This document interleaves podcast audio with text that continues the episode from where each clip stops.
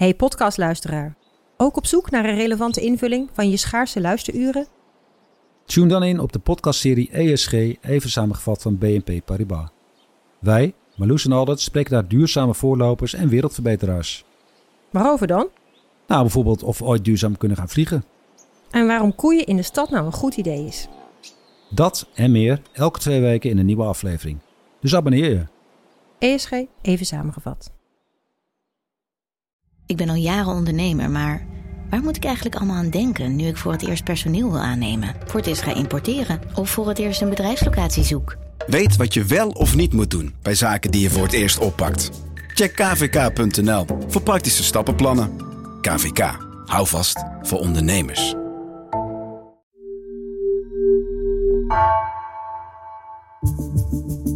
Vanaf de redactie van NRC het verhaal van vandaag. Mijn naam is Geertje Tunter.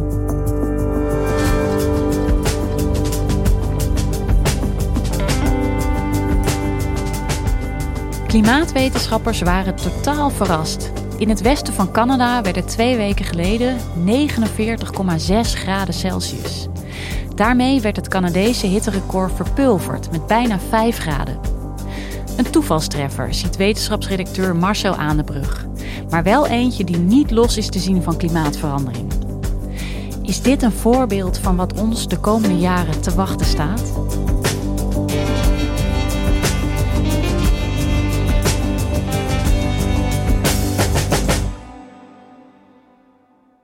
Twee weken geleden werd het in Lytton, een plaatsje in het westen van Canada, 200 kilometer ten zuidwesten van Vancouver, 49,6 graden. Dat was een bizar hoge temperatuur voor deze plek, ook in deze tijd van het jaar. It's just unbearable. It's it's impossible to be out. So never seen anything like this. I hope it never becomes like this ever again. It's too much summer for us here.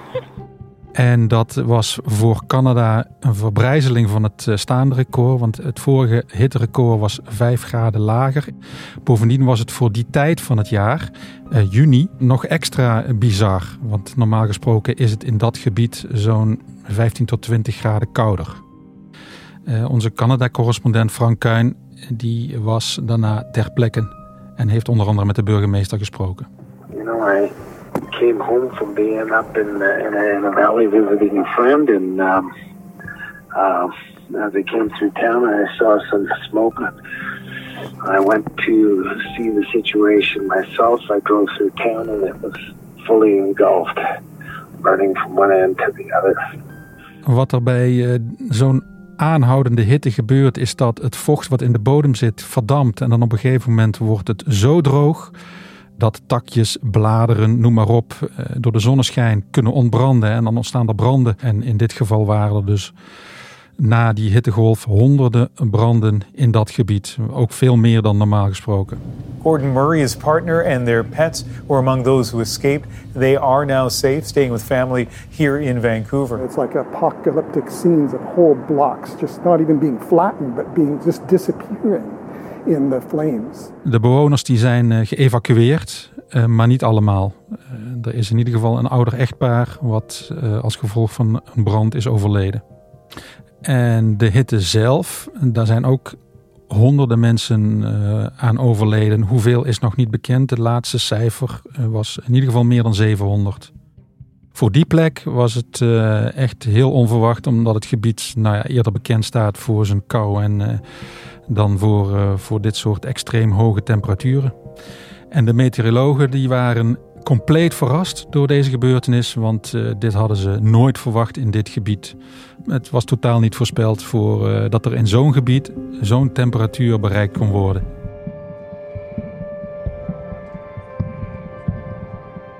Bijna 50 graden, ik vind dat echt een onvoorstelbare temperatuur eigenlijk.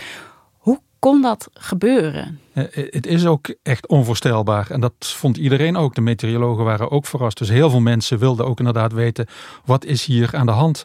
Nou, uh, er zijn meteen een aantal mensen aan gaan rekenen. Onder andere Geert-Jan van Oldenborg, uh, natuurkundige aan het KNMI. Ik zag in eerste instantie zag ik de, de gewone weersverwachtingen op, op de website van AccuWeather voor voor Seattle van, van 43 graden. En ik dacht, dit kan niet. Hier zit er een fout in. Ik ben gaan controleren of de data klopte. Hij legde mij uit dat het uh, een heel normaal uh, hoge drukgebied is, zoals je dat heel vaak op allerlei plekken ziet. Mm -hmm. Maar dat dit uh, hoge drukgebied wel heel erg lang op dezelfde plek is blijven liggen. En dat daar uh, door speciale omstandigheden de hitte ook heel snel kon oplopen. En maar ogenblikkelijk gerealiseerd dat dit ons hele beeld van de geleidelijke opwarming van de hittegolven op zijn kop zou zetten. Ja, en als we nog even die technische details doen, hoe werkt dat dan precies? Je hebt dus een hoge drukgebied en dan? Een hoge drukgebied wil zeggen dat de lucht er van hoogte naar beneden afzakt. Ja. Um, naar beneden toe neemt de luchtdruk toe. Mm -hmm. uh, dus die lucht die wordt als het ware samengeperst en daarbij neemt de temperatuur van die lucht toe. Dus je krijgt eigenlijk dalende, opwarmende lucht. Wat die lucht ook doet, die uh, lost de bewolking die er is op. Want mm -hmm. normaal gesproken ontstaan wolken als lucht opstijgt. En hier daalt de opwarmende lucht, die, de wolken verdwijnen, met als gevolg dat de zonnestraling rechtstreeks door kan gaan naar het aardoppervlak. Het aardoppervlak warmt op. Uh, daar komt warmte uit vrij. Die warmte die wil opstijgen. Maar dat kan niet, want je hebt die, uh, die grote massa van dalende, opwarmende lucht die daarboven ligt. Ja. Dus de warmte die de aarde uit wil, die kan niet weg. Ja. En, die, en die stapelt zich daar maar op. En de, zo loopt de temperatuur in dit geval dus met bijna een graad uh, per dag op. Ja, dus de warmte die blijft eigenlijk steeds maar hangen op die plek, in dit geval in Litten. Ja, en dat heeft dan weer te maken met de straalstroom. De straalstroom is een harde wind hoog in de, in de atmosfeer op een kilometer of 9 à 10. En uh, die uh, raast normaal gesproken met hoge snelheid van west naar oost. Maar in de zomer kan die iets meer gaan golven. En in dit geval kan die golf zo ver uitslaan dat er, uh, je moet je het voorstellen als de Griekse letter omega. Mm-hmm. Dus er ontstaat een soort uitstulping in die, uh, in die straalstroom. En in die uitstulping lag dat hoge drukgebied. En de straalstroom die heeft er zich als die letter omega omheen geslingerd en uh, houdt hem daar als het ware op zijn plek. In de graphics die je dan in allerlei media zag, wordt het ook gewoon getekend als een soort stolp waarin de warmte blijft hangen. En die warmte die uit de aarde vrijkomt, die omhoog wil, die wordt uh, tegengehouden. En die branden, kan ik me zo voorstellen, die ontstaan dus gewoon omdat het daar dan heel heet is en hoeft er maar een vonkje te komen en dan... Uh... Precies, die hitte zorgt ervoor dat het beetje water wat nog in de grond of in de planten zit, verdampt. En dan wordt het droger en droger. En op een gegeven moment heb je nog maar een heel klein vonkje nodig om takjes, bladeren in vlam te zetten. Ja, dat kan een, een sigaret zijn of een blikseminslag. Dat maakt niet zoveel uit. Ja, in het geval van uh, West-Canada was er sprake van dat bijvoorbeeld treinen uh, door over de rails te rijden vonken veroorzaken die dan weer aanleiding geven tot branden. Je, je, vertelde net van het begint allemaal bij een hoog drukgebied. Maar goed, hè, je hoeft geen expert, expert van het weer te zijn om te weten dat gebeurt natuurlijk heel vaak, een hoge drukgebied. Dus hoe kan het dan dat het in dit geval tot zulke extreme temperaturen heeft geleid? Ja, en dat is dus wat mensen zoals Geert-Jan van Oldenburg zich ook afvragen. En dat, mm-hmm. daarom zijn ze er ook meteen, dit was zo exceptioneel, daar zijn ze meteen bovenop gesprongen. En ze zijn met een groepje dit fenomeen gaan onderzoeken. Hij is uh, namelijk medeoprichter van een organisatie die heet World Weather Attribution. Mm-hmm. En die kijken naar uh, uh, buitengewone klimaatgebeurtenissen, uh, hittegolven, extreme droogtes. Ik weet niet of je de bosbranden in Australië nog kunt herinneren ja, van zeker. ongeveer anderhalf jaar geleden. nou, dat soort gebeurtenissen proberen zij dan te onderzoeken en te verklaren en te kijken in hoeverre klimaatverandering hier nou een rol in heeft gespeeld. Dus het is eigenlijk een, ja, een nieuw onderzoeksinstituut met een ja, soort van nieuwe tak van wetenschap. Kan ik dat ja. zo zeggen? Ja, zeker. En hij heeft die organisatie, de World Weather Attribution, in 2014 mede opgericht. En hij leidt het nu ook samen met Frederike Otto van de Oxford University. Op dit moment heeft hitte mijn hoogste prioriteit. omdat er weinig andere mensen aan werken, omdat het zo belangrijk is, er zoveel slachtoffers vallen en het gewoon nieuw is en, en er grote vragen open liggen die beantwoord moeten worden. Nou ja, hij, hij is zo gefascineerd door dit soort extremen. Hij vertelde me ook bij die bosbranden van Australië bijvoorbeeld. Hij krijgt gewoon een enorme kick om uit te zoeken hoe dat werkt. En dat is hier met die hittegolf in Canada ook. Alleen het heeft twee kanten. Want enerzijds is het fascinerende wetenschap en is het iets waarvan de uitkomsten denk ik nuttig zijn voor, voor een groot publiek. Maar anderzijds weet je dat het een ramp is waar vele honderden, zo niet duizenden mensen om het leven gekomen zijn. En dat geeft een heel dubbel gevoel. En als we het over litten hebben, ehm, weten we inmiddels al iets over die rol van klimaatverandering. Kan hij daar al iets over zeggen? Ja, dus ze hebben nu een eerste grove analyse uh, in no-tempo uh, wereldkundig gemaakt. Dat hebben ze op woensdag 7 juli gedaan. En daarin zeggen ze dat uh, dit niet had kunnen gebeuren. vrijwel onmogelijk is dan de letterlijke beschrijving. Mm -hmm. zonder de door de mens veroorzaakte klimaatverandering. En ze komen er dus op uit, nu schatten ze dat het een fenomeen is wat in het huidige al opgewarmde klimaat één keer in de duizend jaar voorkomt. Ja, dus dat is een soort toevalstreffer, maar tegelijkertijd wel een toevalstreffer die je niet los kunt zien van klimaatverandering. Ja. Maar goed, is dat überhaupt niet altijd zo tegenwoordig als het om heel extreem weer gaat, dat het door klimaatverandering komt? Zij krijgen heel veel vragen van extreme gebeurtenissen. Kunnen jullie dit uitzoeken? En dat hebben ze ook gedaan bijvoorbeeld met een droogte in Oost-Afrika. Met een hele extreme droogte in bijvoorbeeld Sao Paulo. En dan blijkt dat uh, in die gevallen uh, klimaatverandering geen rol speelt. Hm. Want waar komen ze op uit? Sao Paulo is de bevolking gegroeid. De bevolking gebruikt meer water. En het watersysteem is er niet op aangepast.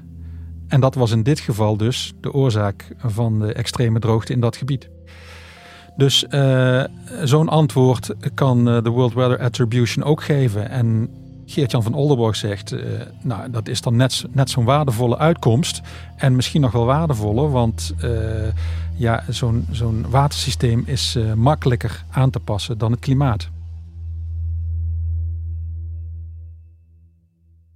Marcel, hoe gevaarlijk is zo'n hittegolf nou eigenlijk? Hoe bang moeten we hiervoor zijn?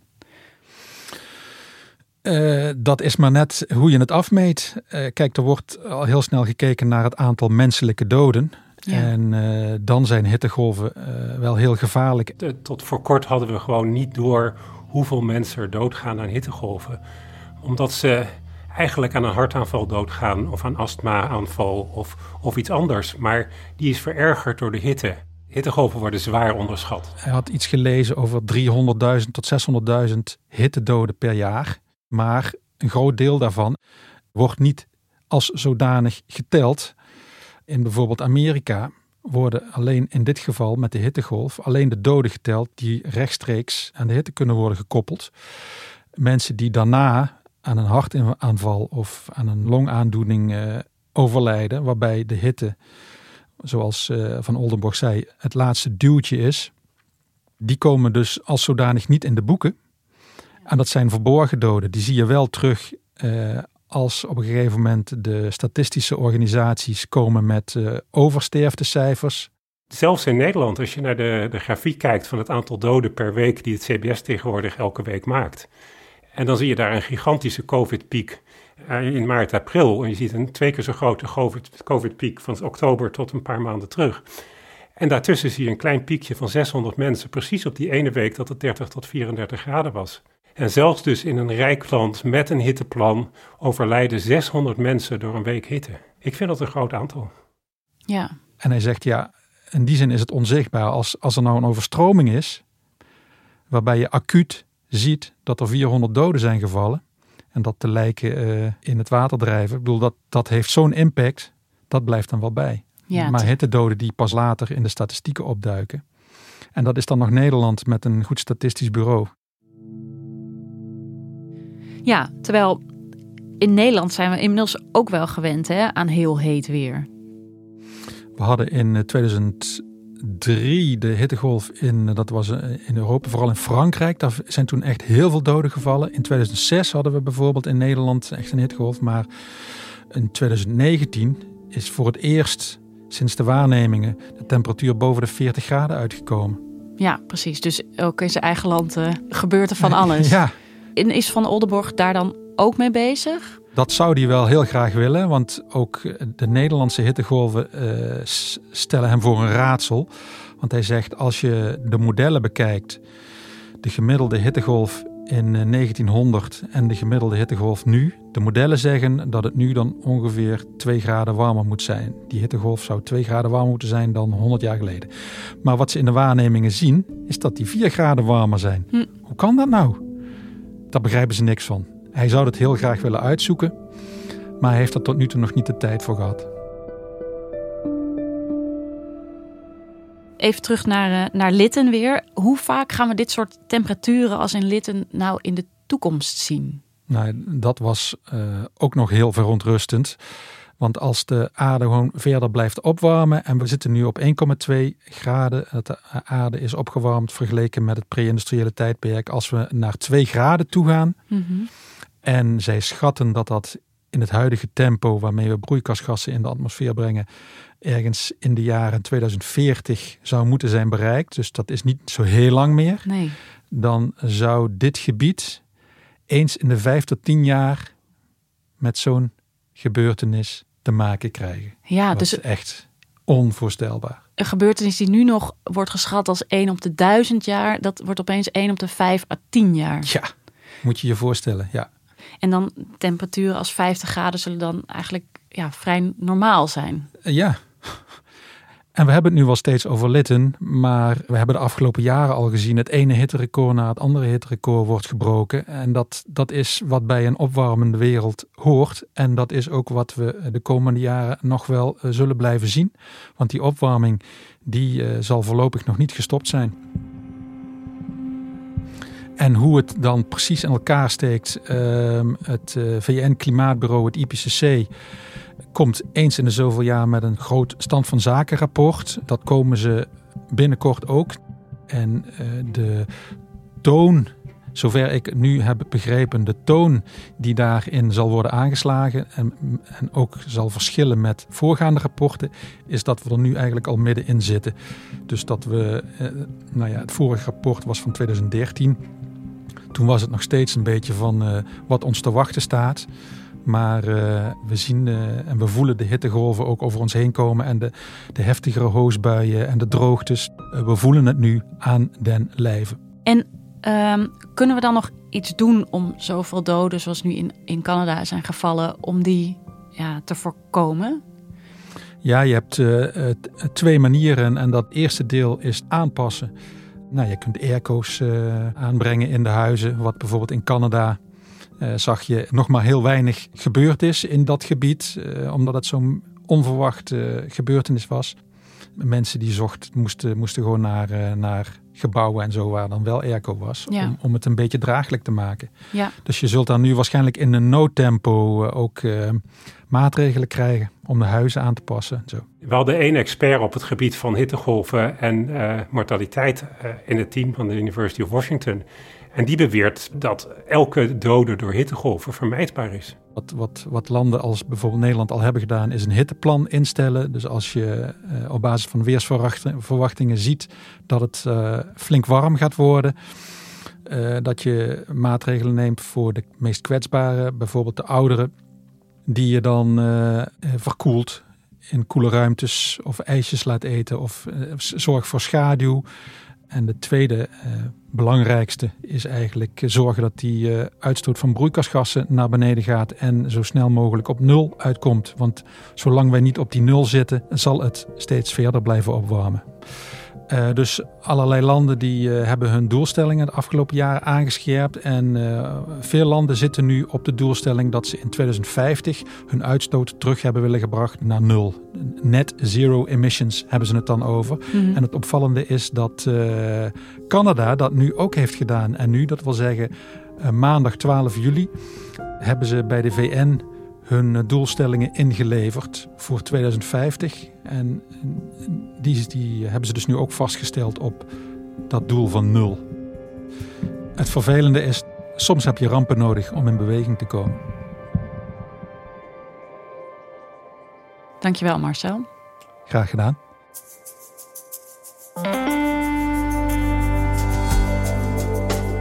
Je luisterde naar Vandaag, een podcast van NRC. Eén verhaal, elke dag. Deze aflevering werd gemaakt door Esmee Dirks, Julia Vier, Jeppe van Kesteren en Jan-Paul de Bond. Dit was vandaag, morgen weer.